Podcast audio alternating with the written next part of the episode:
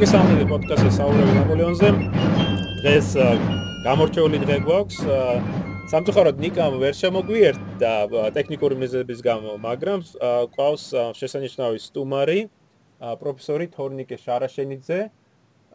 გამარჯობა თორნიკე. მოგესალმებით ალიკო. ძალიან მიხარია რომ აქ ვარ. ვისაც მსმენელს მინდა შევახსენო თუ არ იცნობთ ბატონ თორნიკეს.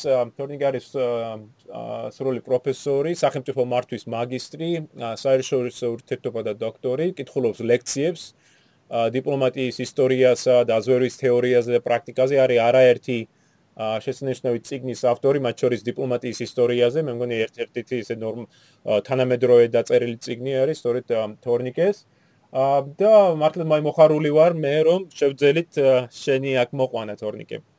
აა უპრობლემოდ პირიქით ძალიან გამიხარდა. ესე ბოლნერის უფროსი იყო ძალიან სასწაულო. რა მინდოდა იცი სანამ დავიწყებდე ჩვენ ის ნაპოლეონზეს საუბარ ჩვენ ყავდა რამდენიმე სტუმარი ადრე და ყოველთვის ვეკითხებით ხოლმე აი როგორ მოხდი ისტორიაში ამ ამ დარგში. მოგვიწევ მოგვიყევი შენს შესახებ. ახლა არ გაიკვირდება თალბათ და მეც ნაპოლეონით. ნაპოლეონო გამიჩინა ოდესღაც ძალიან დიდი ინტერესი ისტორიის და საერთაშორისო ურთიერთობების მიმართ. და საერთაშორისო ურთიერთობების ისტორიის გარეშე მეთვლი არაფერია. იმიტომ რომ შალი თეორია, შალი თეორია და შალ თეორიას ვერ გაიგებ თუ არ იცი რა მოხდა. და მე სწორედ ამ ეს მიმართულება ავირჩია საერთაშორისო ურთიერთობებში, სწორედ ისტორიის განხედა. მე თავის დროს ერთოდაც ბაკალავრიატი ეს 80-იან წლებში რომ დაამთავრე სკოლა 80-იანების ბოლოს ბაკალავრიატი დამთავრებული მაქვს გამოყენებითი მათემატიკის ეხა არ გითხორთ როგორ? ეს იყო საბჭოთა კავშირი.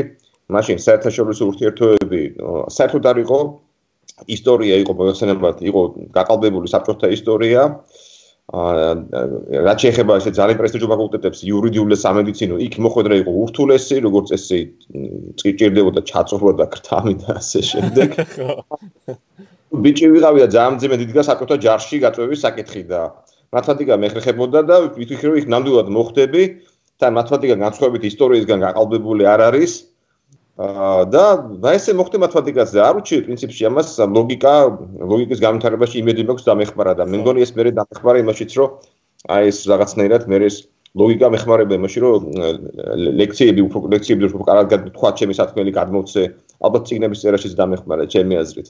მე უკვე გვიან რაღაც გადაიარა გიჟურმა 90 90-იანმა წლებმა მოახერხე ესე თქვა რომ დაუბრუნებოდი იმას რაც მაინტერესებდა თანთანობით ამაში ჯიპა დამეხმარა ძალიან. დიახ. და გადავწყვეტ ფლიანად აი ამ ფლიანად არა, მაგრამ შესაძლებელი ზაგვარად რაც დრო მაქვს სიუღ ამ სფეროზე ვუ გადართული.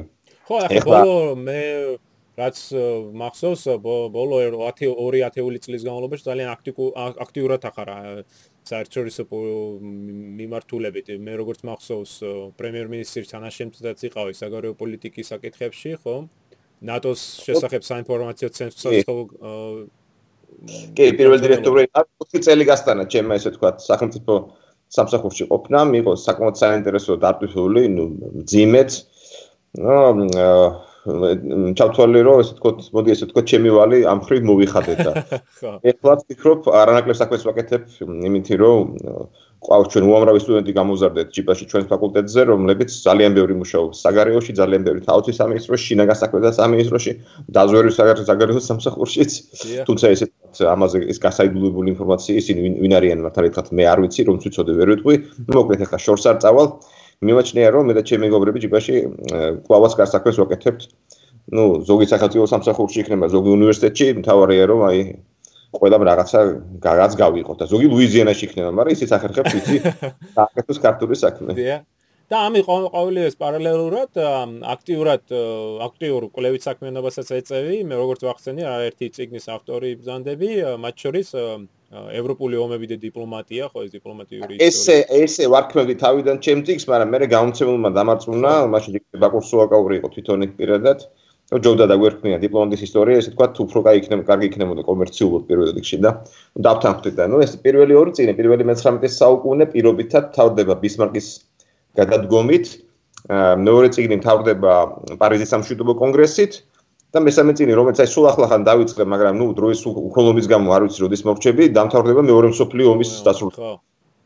მეოთხე იქნება მე მქონდა შესაძლებლობა წამეკითხა პირველი ტომი, რომელიც რა თქმა უნდა ჩვენ ჩემს სპეციალობას ამ ნაპოლეონის ეპოქას და მის შემდგომ ეპოქას შეეხება და სწორედ ამიტომ მინდოდა რომ მომეწვიე და გაგვეხილა დიპლომატიურ ჭრელში უფრო დიდი გამოცდილების პიროვნება ხარ და თან მithumetes პრაქტიკული გამოცდილებად ისტორიულ ცოდნასთან ერთად.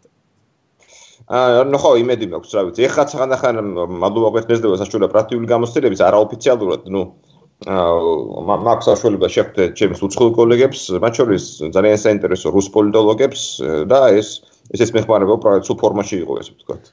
აი, თქვა აი გამოცდილებიდან გამომდინარე, რა როლი აქვს ისტორიას აი ყოველივე ამაში?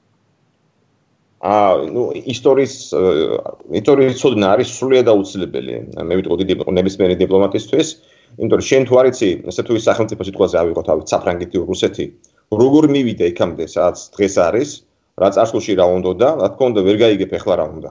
მოდი ეს მარტივად რო ვთქვა, ეს ერთი მეორეც დიპლომატ სხვა თუ არაფერი შეუძლია თავი მოიწონოს ისტორიის ცოდნით. მე მახსოვს მაგალითად დაუმეგობრდი სიტყვაზე ერთ-ერთ დაუმეგობრდი ძალიან ძალიან საინტერესო პიროვნება იყო რუმინელი საქართველოს მსახურობდა იმითი რომ რაღაც მიიღებაზე ვახსენე უბრალოდ მასთან გვარი ესეთი ტიტულესკუ იყო რუმინეთის საგარეო მინისტრი პირველი სოფლიო ომიდან მეორე სოფლიო ომამდე დაახლოებით ამ პერიოდში სულ არა მაგრამ მეტად ის იყო. იმდენ გაუგნებული დარჩა რომ ქართულმა იცოდა რუმინელი საგარეო მინისტრის გვარი.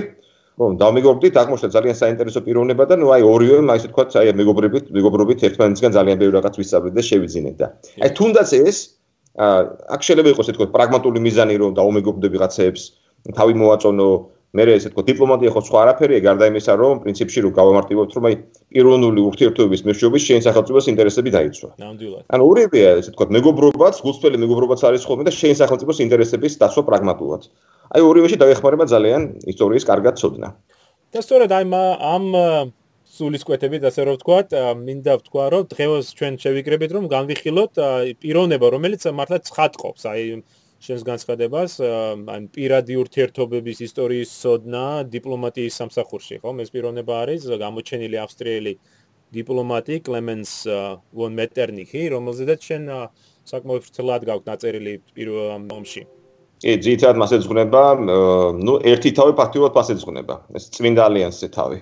ჩვენს პოდკასტში უკვე უახლოვდებით პერიოდს, რომელსაც დასავლეთის ისტორიოგრაფიაში სწორედ მეტერნიკის ეპოქას უწოდებენ. ხო და ნაპოლეონისტების გულის სათკენად. ესე გულის სათკენად რატომ ეხა მეტერნიხი ცდილობდა ნამდვილად ნაპოლეონთან მორიგებას, გარიგებას რუსეთში კამპანიის შემდეგ. ნაპოლეონმა არ მიიღო მისი პირობები. მე რა თქმა უნდა მოვისმინე ბოლო პოდკასტი. ალეგო და იქ აბსოლუტურად მართებულად შენიშნე რომ ჩვენ ვერ დავერყნობით ხოლმე ხოლმე მეტენიხის მემუარებს რომელიც ასახავს ნაპოლეონის და მეტენიხის შორის შეხვედრას რა თქმა უნდა მეტენიხი იტყუება ძალიან ხშირად. იტყუებოდა ხშირად განსხვავებით ესე თქვა მიჩნეული დიპლომატი არ უნდა იტყუებოდეს მაგრამ ეს როგორღაც იტყუებოდა ხოლმე ხშირად. მემუარებს მემუარებს მithumetes ყველა იტყუება და მithumetes კი დიპლომატები ხო უფრო. ეცი რა მინდა სტორნიკი მოდი ცოტა არ ვიცი ქართულ მსმენელისათვის ალბათ საინტერესო იქნება თვითონ ამ მეტერნიკის ცხოვრების განხილვა, დავიწყოთ საიდან არის ეს კაცის და შეიძლება დაგჭირდეს კიდევ ერთი პოდკასტი ჩაწერა უკვე შემდგომ მის დიპლომატიურ მოღვაწეობაზე და ამ დღეს იქნება ადრეულ კარიერაზე ვისაუბროთ.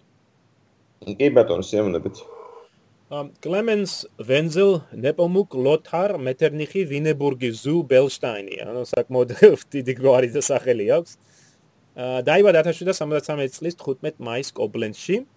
რომელიც იმ დროს ტრიერის კურფორის, ხო, იგივე არქეპისკოპოს ეკუთვნოდა.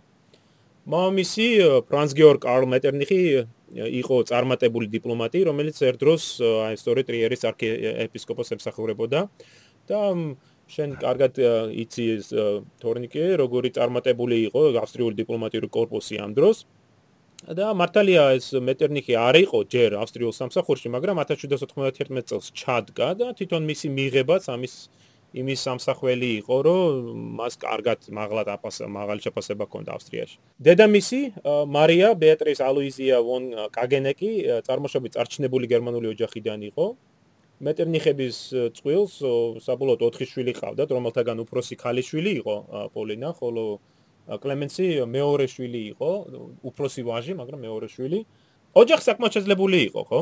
სხვა შორის შენ კომპლექსში ნამყოფი თუ ხარ? აა სამწუხაროდ არა. აი თუ შემდეგში შეძლებ წასვლას, მათი სახლი ჯერ კიდევ იქ დგას, 4 სართულიანი ლამაზი სახლი, რომელიც კლემენსის დიდმა ბაბუამ აშენა 1674 წელს. ამის გარდა ოჯახს გააჩნდა ვრცელი მიწები ბელშტაინში, ვინებერგში, მდებარე პატარა შატოში, რომელიც კობლენციდან დასავლეთით მდებარეობდა და ასევე კონიქსვარცასთან, ბოჰემიაში, სადაც მეტერნიკის წინაპრებმა ეს ადგილი დაიკავეს აი რელიგიური ომების დროს. კლემენსის мама მუდამ დიპლომატიური სამსახურით იყო დაკავებული, რის გამოც ბავშვების აღზრდა დედამის საზრუნავი იყო. და როგორც ეს ჩვეული იყო თავადაზნაურობაში, მეტერნიხმა კერძო სანათლება მიიღო, ყავდა საკმაოდ კარგი მასწავლებლები, რომლებმაც მას განმანათლებლობის პერიოდის აი ბევრი იდეას გააზიარეს. 1788 წელს კლემენსი და მისი ძმა ჩაირიცხნენ სტრასბურგის უნივერსიტეტში, ერთ-ერთი საუკეთესო უნივერსიტეტი იყო ევროპაში ამ დროს. სადაც მეტერნიხს და დიდი ზეგავლენა იქონია კრისტოფ ვილჰემ კოხმა, საკონსტიტუციო სამართლის და ისტორიის ცნობილმა მკვლევარმა. და სწორედ ამ პერიოდიდან შემორჩენილი ცნობები ცოტა არ იყოს ურთიერთ გამომრიცხავია. ზოგიერთი თანამედროვე კლემენს აღწერს როგორც ლამაზი გარეგნობის სათნო ახალგაზრდა, სხვები კი შენი თქმის არ იყოს უკვე მას ბრალად დებენ რომ მატყუარა და მკვეხარა იყო. ანუ გარეგნობაში თიტყუებოდა შეიძლება. აა 1790 წლის შემოდგომაზე მეტერნიხმა მონაწილეობა მიიღო სახთო რომის იმპერიის ახალი იმპერატორის ლეოპოლდ მეორის კორონაციის ცერემონიაში, კურთხევის ცერემონიაში, რომელიც ჩატარდა ფრანკფურტში. აა და სწორედ აქ მას დაევალა აი ვესტფალიის თავადაზნაურობის კათოლიკური დელეგაციის წარმომადგენლობა. და აი ცერემონიის დროს შეხვდა სწორედ ის ლეოპოლდის შვილს ფრანც ჟოზეფ კარლს, რომელიც უმალე ავა ავსტრიის სამეფო ტახტზე, ხო? და აი რომელთანაც მეტერნიხი გაატარებს ცხოვრების უმეტეს ნაწილს, რა.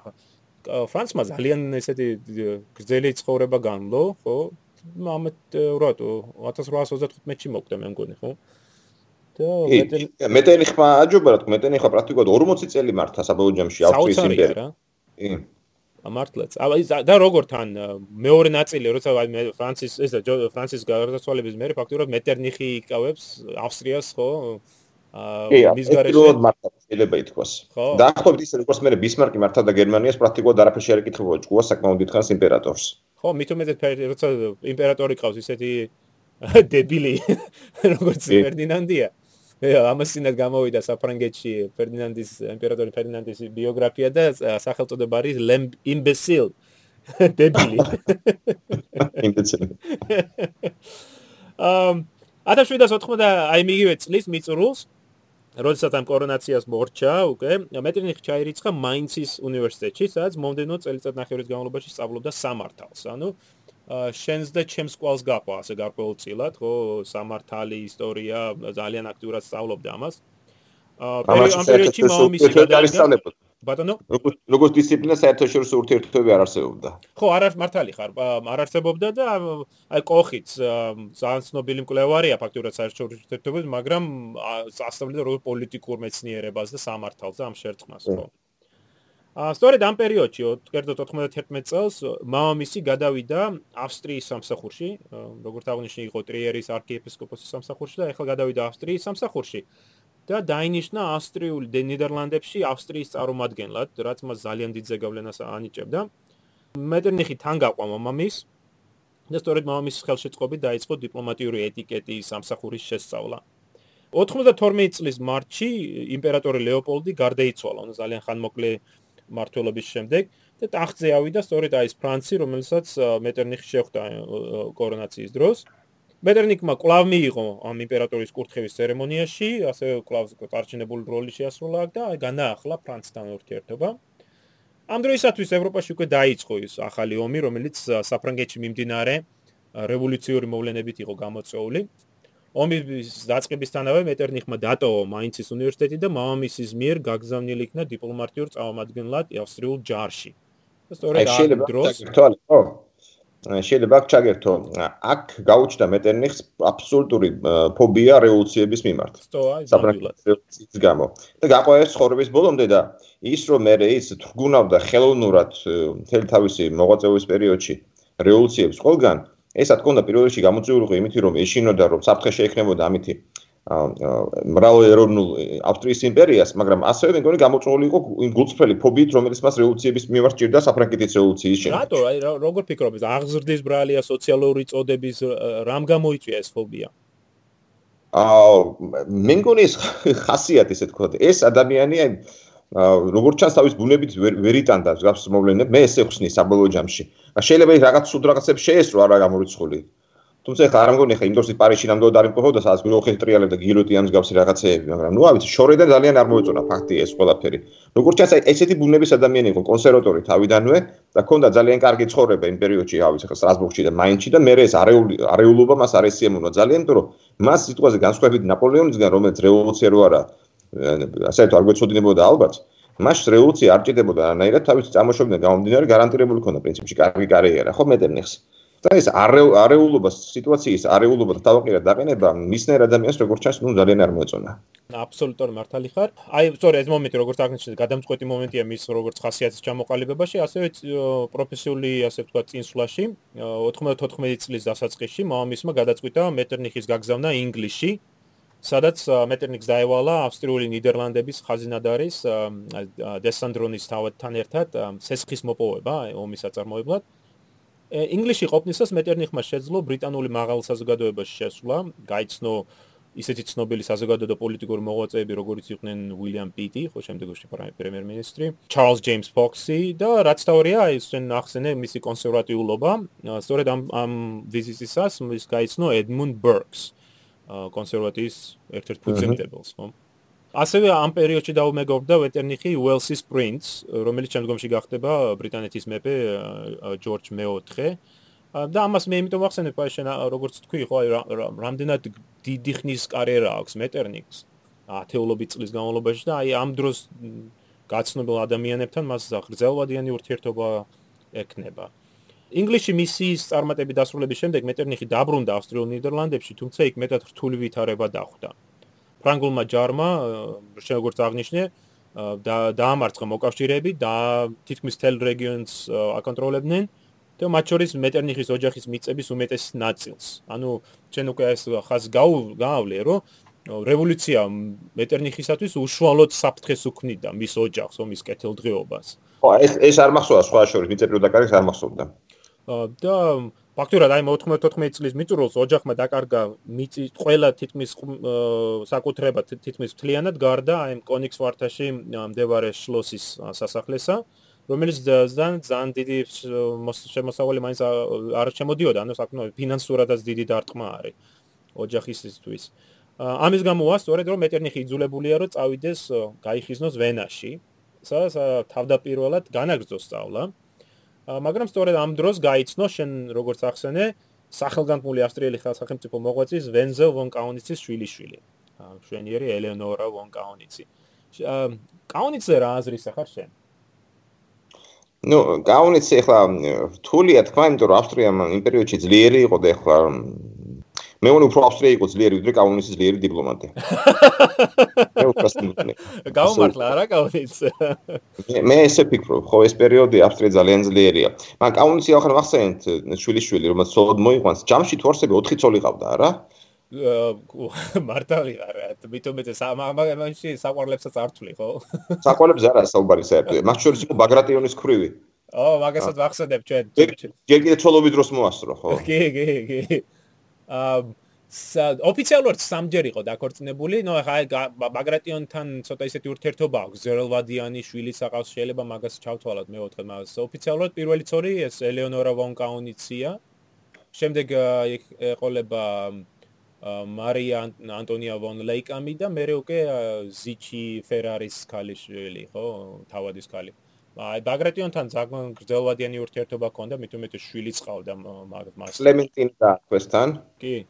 ზარი, ის საინტერესო ჩემთვის, როცა დაქორწინ, ბუნებრივია, სიყვარულით დაქორწინება ეს არის, ხო? მა პრობლემა გაუ ჩალიჩეს, ასე რომ ვთქვა.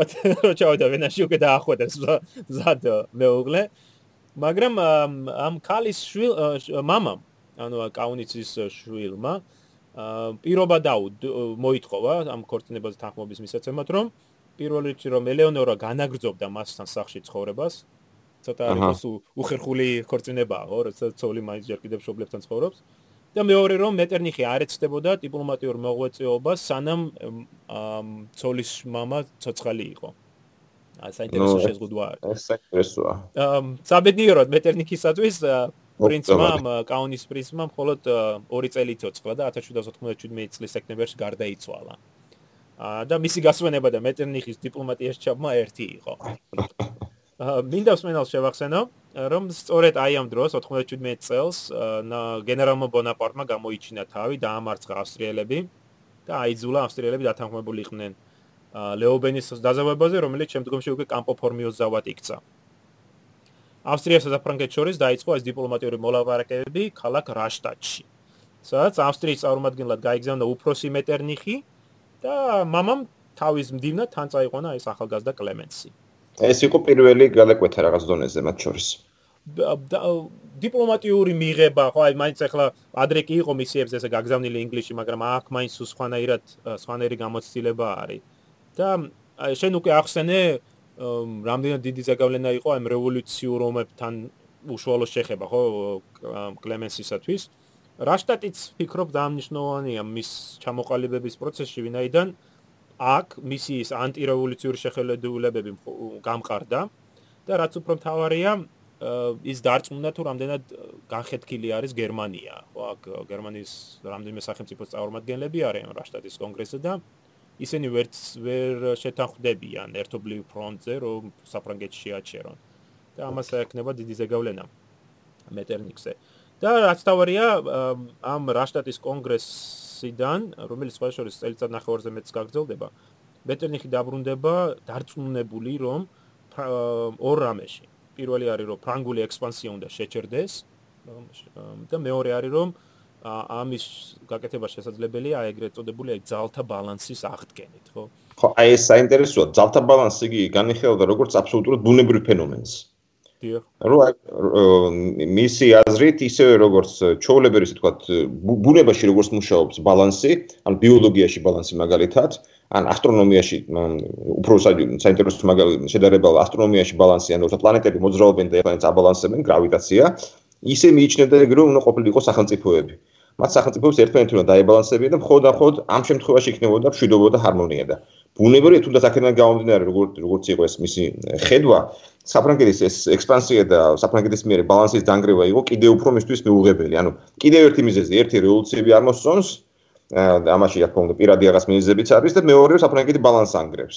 აბსოლუტურად მართალია. და თან რა არის ეს ხშირია ხშირად ახლა მე და ნიკარო საუბრობთ ცოტა არ იყოს ფრანკოფილიაში გადავდივართ ხო?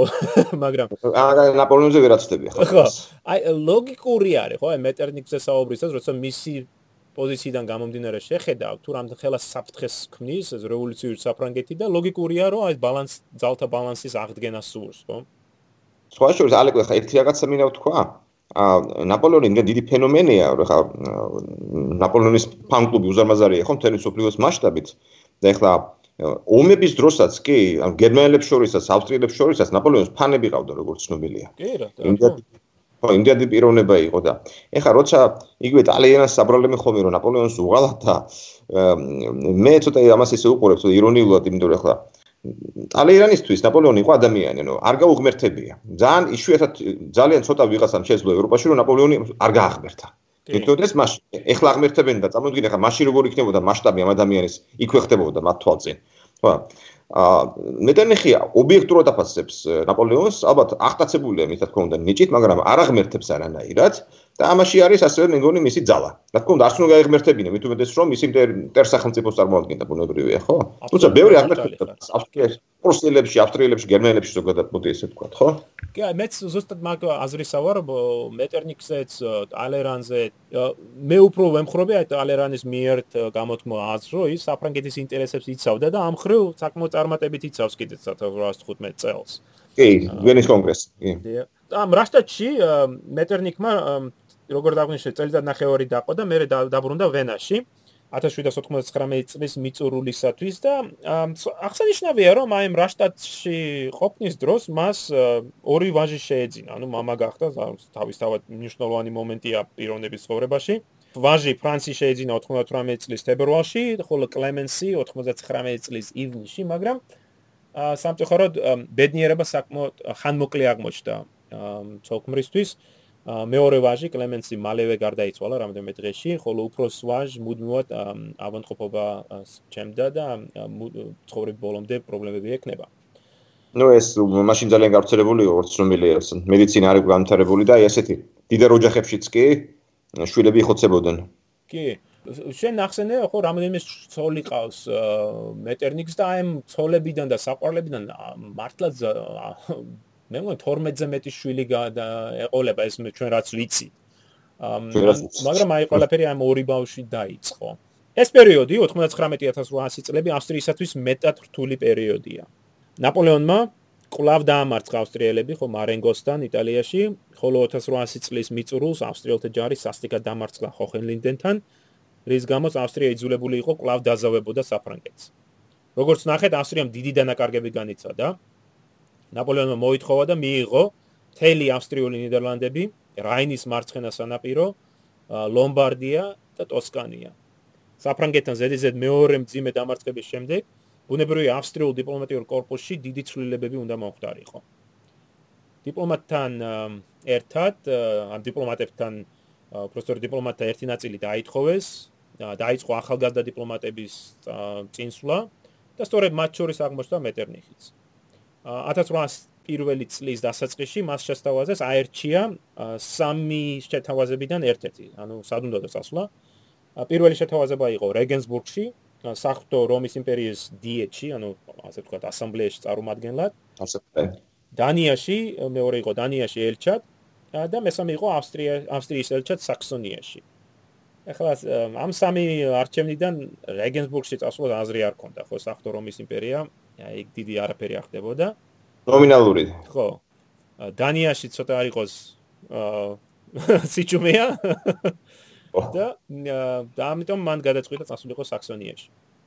და ამიტომ 1801 წლის აა შემოდგომ პროფესორი ათებრვალში მე მგონი თუ მარტში ის მარჩეონს აკეთებს აა საქსონიაზე და ჩადის დრეზდენში. ახლა არ დრეზდენში ხდება მართლა ეს ხოთი გადამწყვეტი მოვლენები საკმაოდ ასეთი წყნარი ვითარება არის და მეტერნიკმა გაატარა 2 წელი რომელიც რომელიც ნაკლებად გამორჩეულია მისი დიპლომატიური აქტივობით თუმცა აი დიპლომატიური ისტორიის თვალსაჩინო საინტერესოა მის მიერ დაწერილი ეგრეთ წოდებული ინსტრუქციები, რომელიც გერმანიის საკითხის მომოვალს განიხილავს და აი ავსტრიის როლს მათში. ამ ხრივ ეს საინტერესო არის. მაგრამ საქსონიის კარის მონოტონურობა საკმაოდ ცნობილი იყო ევროპაში და მეტერნიკი საკმაოდ მოწყენილი არის მაგ ხრივ. და ამიტომ დიდ დროს დროის დიდ ნაწილს ატარებს თავის ახალ საყვარელთან კატერინა ბაგრატიონთან, რომელიც ახსენე. რომელსაც ჯერ ცოცხალი ხვარი ხვარი ყავს ცოცხალი. სხვა ახალი დაქორწინებულები არიან. 1801 წელს დააქორწინა აკრეტოს არ უყარდა სოლი ნუ რეალურად შერთეს ის ვერ მოიყვა ვინ მოიყვა ვერ მოიყვანა ცოდ ვინც უყარდა და ესე თქვა დაამშვიდობელ პრიზად ეს ქალბატონი მიათხოვეს რომ ძალიან მას უყარდა და ამიტომ მიატოვა და მოიზმეზეზა ჯანმრთელობა და წავიდა გერმანიაში აბსოლუტურად სასაკეთ ცხოვრობდნენ კი და სახნა შედეგით სახეზე არის მეტერნიქს და კატერინა ბაგრატიონს შეეძინათ ქალიშვილი, ხო, მარია კლემენტინა, კლემენტინა, კლემენტ ვოტერნებელის სახელი. რომელიც პეტრე ბაგრატიონი იძულებული იყო, რომ აღიარებინა საკუთარ შვილად. დიდი ბუზგუნით გააკეთა, მაგრამ მაინც. დრეზდენში ყოფნა იმითაც იყო მნიშვნელოვანი, რომ მეტერნიქმა გაიცნო ბევრი გერმანელი სახელმწიფო მოღვაწე, საზოგადო მოღვაწე, რომელთანაც მრავალი ათეული წლის განმავლობაში ექნება ურთიერთობა და ბევრი მათგანი სწორედ ეს გერმანული კონსერვატიზმის ფუძემდებელი იქნება შემდგომში. სწორედ ამ პერიოდში ასევე შეძლო მეტერნიკმა რაინისპირეთში დაკარგული მიწების სანაცვლოდ ახალი მიწების მოპოვება.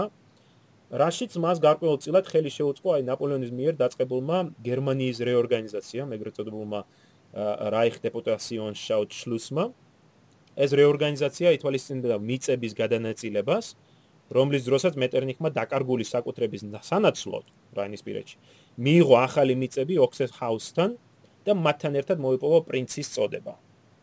უფრო მეტიც აი სწორედ ავსტრიულ დიპლომატიურ კორპუსში მიმდინარე ცვლილებების შედეგად მეტერნიხი მალე გაწეული იქნა დრეზდენიდან და გაგზავნილი იქნა ბერლინში ავსტრიის ელჩად. რაც თავისთავად ცხადყოფს თუ რამდენად მაღალად აფასებდნენ უკვე ამ ახალგაზრდა დიპლომატის ნიჩს ავსტრიის საგარეო საქმეთა სამინისტროში. ბერლინი კითხვა მიჩნდება, რა ქნა მე ბერლინში ისეთი ნუ ნაპოლეონმა მოითხოვა მისი გამწესება პარიზში. აი, საინტერესო მომენტია, მოდი აბა ჩავეძიოთ ამას. მეტერნიხი ბერლინში ჩავიდა 1803 წლის ნოემბერში. როგორც სმენელს ახსოვს, ეს ესეც საინტერესო პერიოდია, როდესაც ნაპოლეონი აქტიურად ცდილობს თავისი ძალაუფლების გაძლიერებას დაკავებულ ტერიტორიებში, რაც გამოვლინდა საფრანგეთის მიერ პიედმონტის ანექსიაში, შვეიცარიის ინტერვენციაში, ხო, გერმანულ აი რეორგანიზაციაში სამხრეთ გერმანიის ბერლინში მყოფი მეტერნიკი ბუნებრივი ადევნება ყოველივე ამას თვალს და ყველანაირად ცდილობდა ხელი შეეწყო აი მესამე კოალიციის ჩამოყალიბების პროცესს. საინტერესოა მისი მიმოწერა ამ ამ პერიოდიდან, როდესაც იგი ყველანაირად ცდილობს რომ უბიძგოს ავსტრიას და რუს ავსტრიას რუსეთთან მოლაპარაკებისაკენ და ამავე დროს ცდილობს დაარწმუნოს პრუსია რომ შეუერთდეს მესამე კოალიციას. გარკვეულწილად მეტერნიკმა შეუწყო პრუსიის მიერ აი პოცდამის ხელშეკრულების ხელმოწერას, რომლის მიხედვითაც ბერლინმა გამოთქვა ზატყოფნა შეერთებულიყო მესამე კოალიციას თუ ნაპოლეონი უარს განაცხებდა განაცხადებდა მედიაციაზე, მოლაპარაკებაზე. ხო, თუმცა რა შეუერთა ჯამში კოალიციას და ეხლა ხო, რო აი ეს საინტერესოა, ალეკო ეს პოდკასტი არ მახსოვს თქვენი და ჯამში ესე თქვა დააყოვნა პრუსია მაშინ არ შეუერთა კოალიციას. თუ ანუ თუ ელოდებოდა როგორ გაფორდებოდა ბრძოლა რა მაშინ პოდკასტი არ მახსოვს როგორ იყო თქვენთან. ხო პრუსიამ დაიწყო აი მეტერნიკ საკმაოდ მოხარული არის როდესაც მან შეძლო დაერტყუნებინა პრუსიის სახელმწიფო მოღვაწეები რომ დაიწყოთ მობილიზაცია და აქ განსხვავება ხდება უფრო აი სახელმწიფო მოღვაწეებზე განსაკუთრებით სამხედრო მოღვაწეებსა და მეფის მეფეს შორის მეფე ძალიან თვითონ ბერლინში. ბატონო? თვითონ ბერლინში დიახ, თვითონ ბერლინში, ანუ მეფე ძალიან ისე ფრთხილად ეპყრობა ნაპოლეონთან ურთიერთობას, რომელშენ როდესაც დიპლომატთა და სამხედრო მოღვაწეთა დიდი ნაწილი პრუსიის მომხრე არის ომში შესვლისა და რომ დათანხმებულიყო დროზე, ალბათ სულ სხვანაირად წარიმართებოდა ისტორია. მეტერნიკი ამიტომ მოხარული იყო, როდესაც მეფე დათანხმდა სამხედრო მობილიზაციაზე. მაგრამ როგორც ვიცით, პრუსია არ ჩაება ომში, ვინაიდან ამ პრუსიის მეფემ გადაწყვიტა მედიაციის ზე ყურადღების გამახვილება, გაგზავნა ჰაუგვიცი, ხო თავის წარმომადგენელი. იმან დაგვიანა დიდხანს დია ნაპოლეონს კი. დია და როცა ჩავიდა უკვე გვიანი იყო, ნაპოლეონმა გამოიჭირა მოკავშირეები. უცოდ მეფის სიმთხრით აიხსება ჯამში ყოლა. კი, დია ხამ შემთხვევაში. მოკავშირეები აუსტრიელიცთან დამარცხდნენ და ამრიგად უკვე ავსტრია ზედიზედ მესამეჯერ მარცხდება საფრანგეთთან ომში. უფრო მეტი პრუსიამ განუდგა პოცდამის ხელშეკრულებას და ხელი მოაწერა აწი უკვე შონბრუნის კონვენციას 15 დეკემბერს, რომლის მიხედვითაც საფრანგეთი და პრუსია შეთანხმდნენ გერმანიის ერთი ნაწილის გადანაწილებაზე და პრუსია ასევე დათანხმდა ეცნოს საფრანგეთსა და ავსტრიას შორის მიმდინარე მოლაპარაკებები, რომელთა შედეგი მა ხო საბოლოო წერტილი დაუსწრო საფრთხო რომის იმპერიის არსებობას. კი. ალბათ საინტერესო დეტალი, მანამდე ხო ნაპოლეონი თამაშობდა ბერლინს დაპირებით რომ პრუსიის მეფის მისცემდა რომის წმინდა რომის იმპერიის იმპერატორის ტიტულს. და რა თქმა უნდა მე არ შეასრულეს დაპირება. არც ეს და ისეც თავაზობდა ხო? ჰანოვერს თავაზობდა პრუსიას როდესაც ხო იგივე დროს თავაზობდა. ანუ ნაპოლეონი საკმაოდ მოქნილ პოლიტიკას ატარებს აქ და ამიტომ არის საინტერესო შენ ახსენ ეს რომ რამდენად წარმატებული იყო თქვა მეტერნიკი ხო ამ ამ დროს. ხადია რომ ის მარცხდება აქ ბერლინში ყოფნისას ალბათ წარმოსადგენ ადვილად წარმოსადგენია თუ რამდენად წარე გამოცდილება იქნებოდა ყოველივე ეს. შენი ქვეყანა მესამეჯერ მარცხდება ნაპოლეონთან და შენ სადაც ახარ მივლინებული იმ ქვეყანაში პარტიულო შენი პოლიტიკა მარცხით სრულდება ასევე.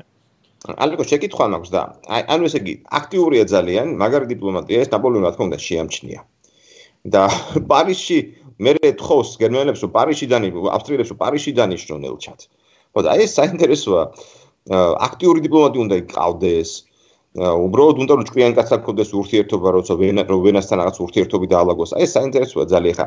ის კი ფაქტია რომ ნაპოლეონს არასოდეს არ ეშინოდა ნიჭიერი ადამიანები, ის უგვერდით წავდა. კი, აი ეგ ერთ-ერთი ისეთი მიმზიდველი მომენტი არის ნაპოლეონზე, ხო, რომ მას ხო არ ეშინია ესეთ ნიჭიერ ხალხთან ურთიერთობის პირიქით ცდილობს რომ მათ ხო ამ რა არის მე მგონი ორმხრივი მომენტი არის აქ რომ ნაპოლეონიც ითხოვს ამას და ამავე დროს თვითონ ავსტრიაც დაინტერესებული არის ჩვენ ვიცით რომ ამ ავსტრიელთან დამარცხების შემდეგ ძალიან საფუძვლიანი ცვლილებები ხდება ხო საგარეო საქმეთა სამინისტროში? მინისტრად ინიშნება იოჰან ფილიპ სტადიონი და სტადიონი თავდაპირველად ფიქრობს გააგზავნოს მეტერნიხი რუსეთში ელჩად. მაგრამ აი მზადყოფნაში როცა არის მიმდინარე საბუთების როცა განიხილავენ, სწორედ ამ დროს არის მიიღებენ ამ ნაპოლეონის თხოვნას, რომ იქნებ ბერლინის ელჩი გამოგზავნოთ ჩვენთან და ამ გადაწყვეტილება საბოლოო ხდება, რომ და წავიდეს პარიზში და არა რუსეთში. ანუ ორივე ორივე დანიშნა თუ რუსეთში ან საფრანგეთში ცხადყოფს, რომ ვენაში ძალიან მაღლა დაფასებენ მეტერნიკის ნიჩს. 1806 წლის აგვისტოს დასაწყისში მეტერნიკი უკვე პარიზში არის. აი ეს მომდემნო სამი წელი ხო რომელიც მან გაატარა აგვისტოდან 6 წლის აგვისტოდან 9 წლის აგვისტომდე ამ ბევრად იცი როგორ არის საინტერესოა ჩემთვის მისი პირადი ცხოვრების მხრივად მაგრამ როგორც აი დიპლომატის ჩამოყალიბების მხრივადაც იმიტომ რომ ფაქტორად ცენტრში ამ ყოველივე მოვლენების მაგრამ მას არ ძალუც მისი შეცვლა ამ მიმოწერა არის ძალიან დიდი ფრცელი ბეტერნიქსა და საგარეო საქმეთა სამინისტროს შორის. ამ ვიცით რომ ძალიან აქტიურად ცდილობს მეტერნიკი ჩაებას, მოიპოვოს ინფორმაცია საფრანგეთის საგარეო საქმეთა სამინისტროდან, სწორედ ამ დროს არის რომ მოიპოვა მე ტალერანის ტალერანის და არა მარტო ხო? აი რა არის? არა მარტო საგარეოზე, ჯარზეც. ნამდვილად? ის მეტერნიკი საინტერესო არის რომ ერფურტ აქ ერფურტის შეხვედრა სხვა არ ისე თქვა დაუთოთ რაღაც დრო, იმიტომ რომ ერფურტის მეરે გადის ტალერანი მასთან კონტაქტზე არა და თავაზობს თავის ხრიდან ინფორმაციას და ფულს ითხოვს სანაცვლოდ. აი ეხლა ჩვენ აი თუ საუბარია ეხლა რა არის ოფიციალურ ტალერანი ხო არაოფიციალურ პოზიციაში არის ხო ერფურტში. ასე რომ თან ღალატობს და თან არ ღალატობს, ხო, ესეთ ოფიციალურად არ ღალატობს. ხო, არ არის, ვერ ღალატობს. აა მაგრამ ჩემთვის ის რა საინტერესო ამ პერიოდში რომ მეტერნიკი აი კიდევ ერთხელ წარმოჩენს თავის ხასიათის ერთვისებას რომ ის მზად არის გამოიყენოს არჩინებული ქალები თავის დიპლომატიური მიზნების მისაღწევად, ხო? აა დრეზდენში აკეთებს ამას, ბერლინშიც აკეთებს და აქ ხომ საერთოდ პარიზში ვიცით რომ კაროლინა ბონაპარტთან ჰქონდა სასიყვარულო ურთიერთობა, რომლის მეშვეობითაც ის იძენს ინფორმაციას აი ნაპოლეონის უშუალო წრეში ხო საუბრებზე. მისი კარვინი ყო ეგეც თქვა, ხო? ხო, ნაპოლეონის და იოჰან მიურატის ხო, ცოლი. ხო. იქ აქ მარშლის ცოლი ყავდა და რუსეთში გენერლის ცოლი ყავდა საყვარლად. მარშლების გენერლების ცოლი. და ერთი ერთი რო ყოლო და კიდე არა უშავს სულცირე 6 ყავდა 6-ვე საკმაოდ არჩინებული ესე თავადების და სახელმწიფო მოხელეების სოლები. ანუ ძალიან სტრატეგიულად იღებს ხო ამ ამ საყვარლებს. ანუ რაღაცნაირად ესე თქვა ეს კაცი ხო არის ესე თქვა ანგრევს აი ესე თქვა ტიპიურ შაბლონურ წარმოდგენას დიპლომატზე უფრო თითქოს დიპლომატიც არის და ჯაშუშიც, მოდი ესე თქვა, ყველანაირ არაფერი ხერს არ ერიდება ინფორმაციის მოსაპოვებლად. თან ახლა მეცახელი არის მაგ დროს პარიზში ლებო კლემენ, ხო, ესე შვენიერი და ხო ისე ბონ ვივან თან გულაობს, თან ერთობა და თან ძალიან ისე საინტერესო ინფორმაციასაც ღებულობს და ანალიზს აწყდის. ხო, თან კიდე პლუს ახლა ტალერანს ფულს აძლევს ინფორმაციის წანსვოთ. ანუ რეალურად პრინციპში დაკავებული იმ საქმიანობით, ვისაც დაკავებული არა კლასიკური გაგებით დიპლომატი, არამედ რეზიდენტი, ანუ დაშუშების უფროსი. ხო. აი ეს საინტერესოა კიდევ. კი, ნამდვილად.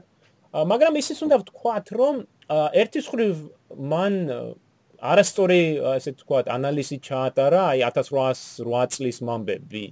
როდესაც ნაპოლეონი ჩაება ესპანეთში, მეტერნიკი დარწმუნებული იყო, რომ ესპანეთში მძვინვარე ამ ამბოხებამ დიდი დარწმუნება მიაყენა ნაპოლეონს, რომ იმ დაასუსტა და სწორედ აი მიმოწერა რო აქვს მეტერნიკ სტადიონთან, იმ მიმოწერაში მეტერნიკი ძალიან აქტიურად გამოდის. კი, აკეთებს ძალიან, კი. ხო, საფრანგეთის წინააღმდეგ ავსტრიის ხო ომის კენ. რომელიც საბოლოოდ დაარწმუნებს სტადიონს, სწორედ მისი მეტერნიკის წერილები არწმუნებს სტადიონს, რომ საფრანგეთის დასუსტებული არის, რომ ნაპოლეონის უზარმაზარი ძალები ყავს ესპანეთში, რომ ის ვერ შეძლებს რეაგირებას და საბოლოოდ სტადიონი არწმუნებს მე იმპერატორს, რომ მომზე წასულიყვნენ და შედეგი კი ვიცი ჩვენ. აპრილში. ხო, ალეკოს კითხავს, ამ დროს იგი იღებს ტალერისგან, ტალერანისგან ინფორმაციას ფრანგულ ჯარზეც. როგორც ჩანს, ეს ინფორმაცია ვერ დაეხმარო გაინალიზებინა სწორად, ხო, არ მგონია ტალერანს ყალბი ინფორმაცია მეძოდენ, უბრალოდ ვერ გაანალიზა ალბათ. ხო, რა. სხვა შორის ის ხო. რაც ჩემთვის საინტერესო, იმიტომ რომ ჩვენ ახლა არაერთხელ აღნიშნეთ თუ რამდენად ნიჭიერი დიპლომატი არის, შემდგომშიც არაერთხელ გამოამლენს ამას, მაგრამ აი ამ მომენტში შეცდა, აშკარად შეცდა. კი, აშკარად შეცდა. აყვა მე მგონი რაღაცა თავის ფობიებსაც აყვა შეიძლება. ერთიც გავიხსენოთ, მოდი მემუარებში აღწერილი აქვს სცენა, როცა ნაპოლეონი მას მივარდა და უთხრა რომ თქვენ ავსტრიაში ერეგებას იწყებს, ხილად იყავით და აღწერს რომ მე ესე მაგრად უპასუხე, ესე უპასუხო ახასებული დარჩა, ну გასაგებია, ალბათ აზვიადებს. ალბათ აზვიადებს გასაგებია, მაგრამ ნუ ეხლა რას ვიზამთ, ყველა აზვიადებს რაღაცნაირად. ფაქტია რომ მან ეს გაბედა, რომ თავისი ელჩად იყოფნის პერიოდში წააკეზა ავსტრია ომზე. კი. ნუ, ანუ შიშარა და მე პრინციპში ნამდვილად არ არის. არა, ხო, არა, მაგრამ მის ამ წააკეზებას სავალალო შედეგები მოაქვს ავსტრიისათვის, რომ უკვე ივლისის მიწურულს ავსტრია დამარცხებული არის და იძულებულია დამატებით დიპლომატიურ და პოლიტიკურ დათმობებზე წასულიყო მათ შორის როგორც ნახეთ უზარმაზარი ტერიტორიული დათმობები იტალიაში, ილირიაში.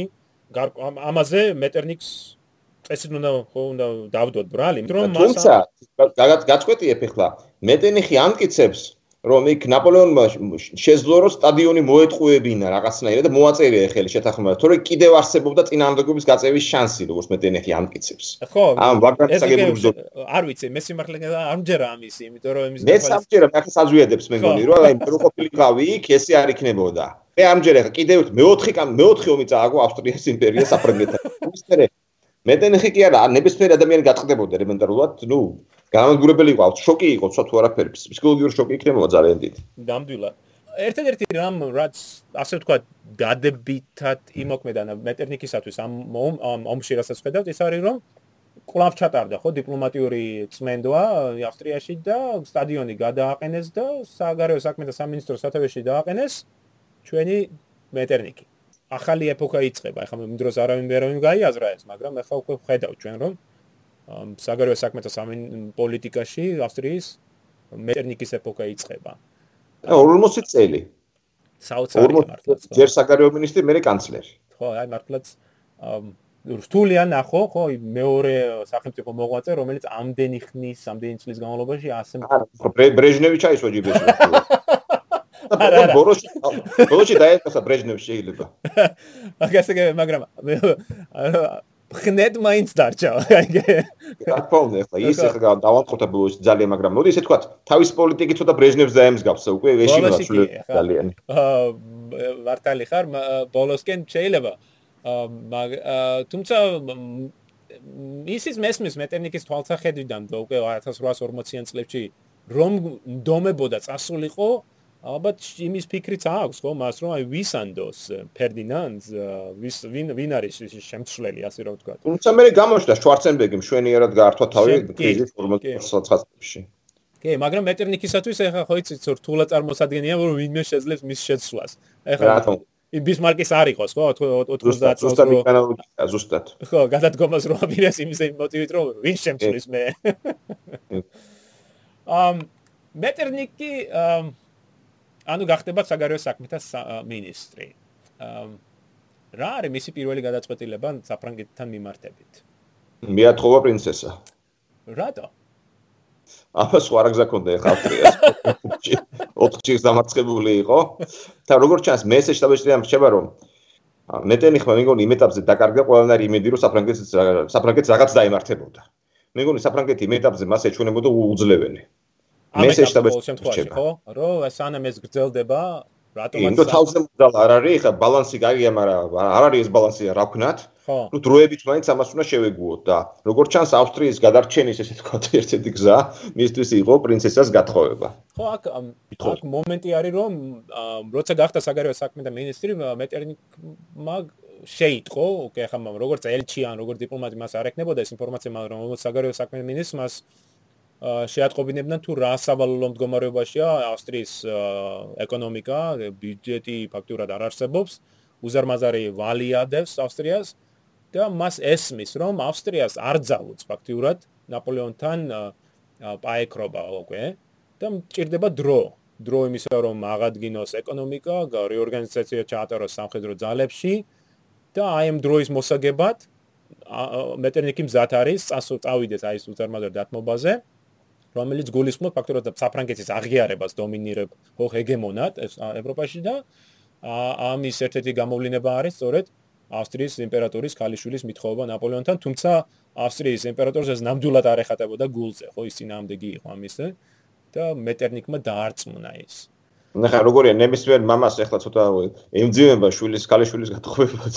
აბა და ვისა ხო ეს კორსიკელ მონსტრთან, აბა ნუ იცი. რომას ამჯერ დამარცხა იმპერია და იმას უნდა ჩემ ტერს უნდა მიატყო. ხო, შენ და აბა წარმოი ხა.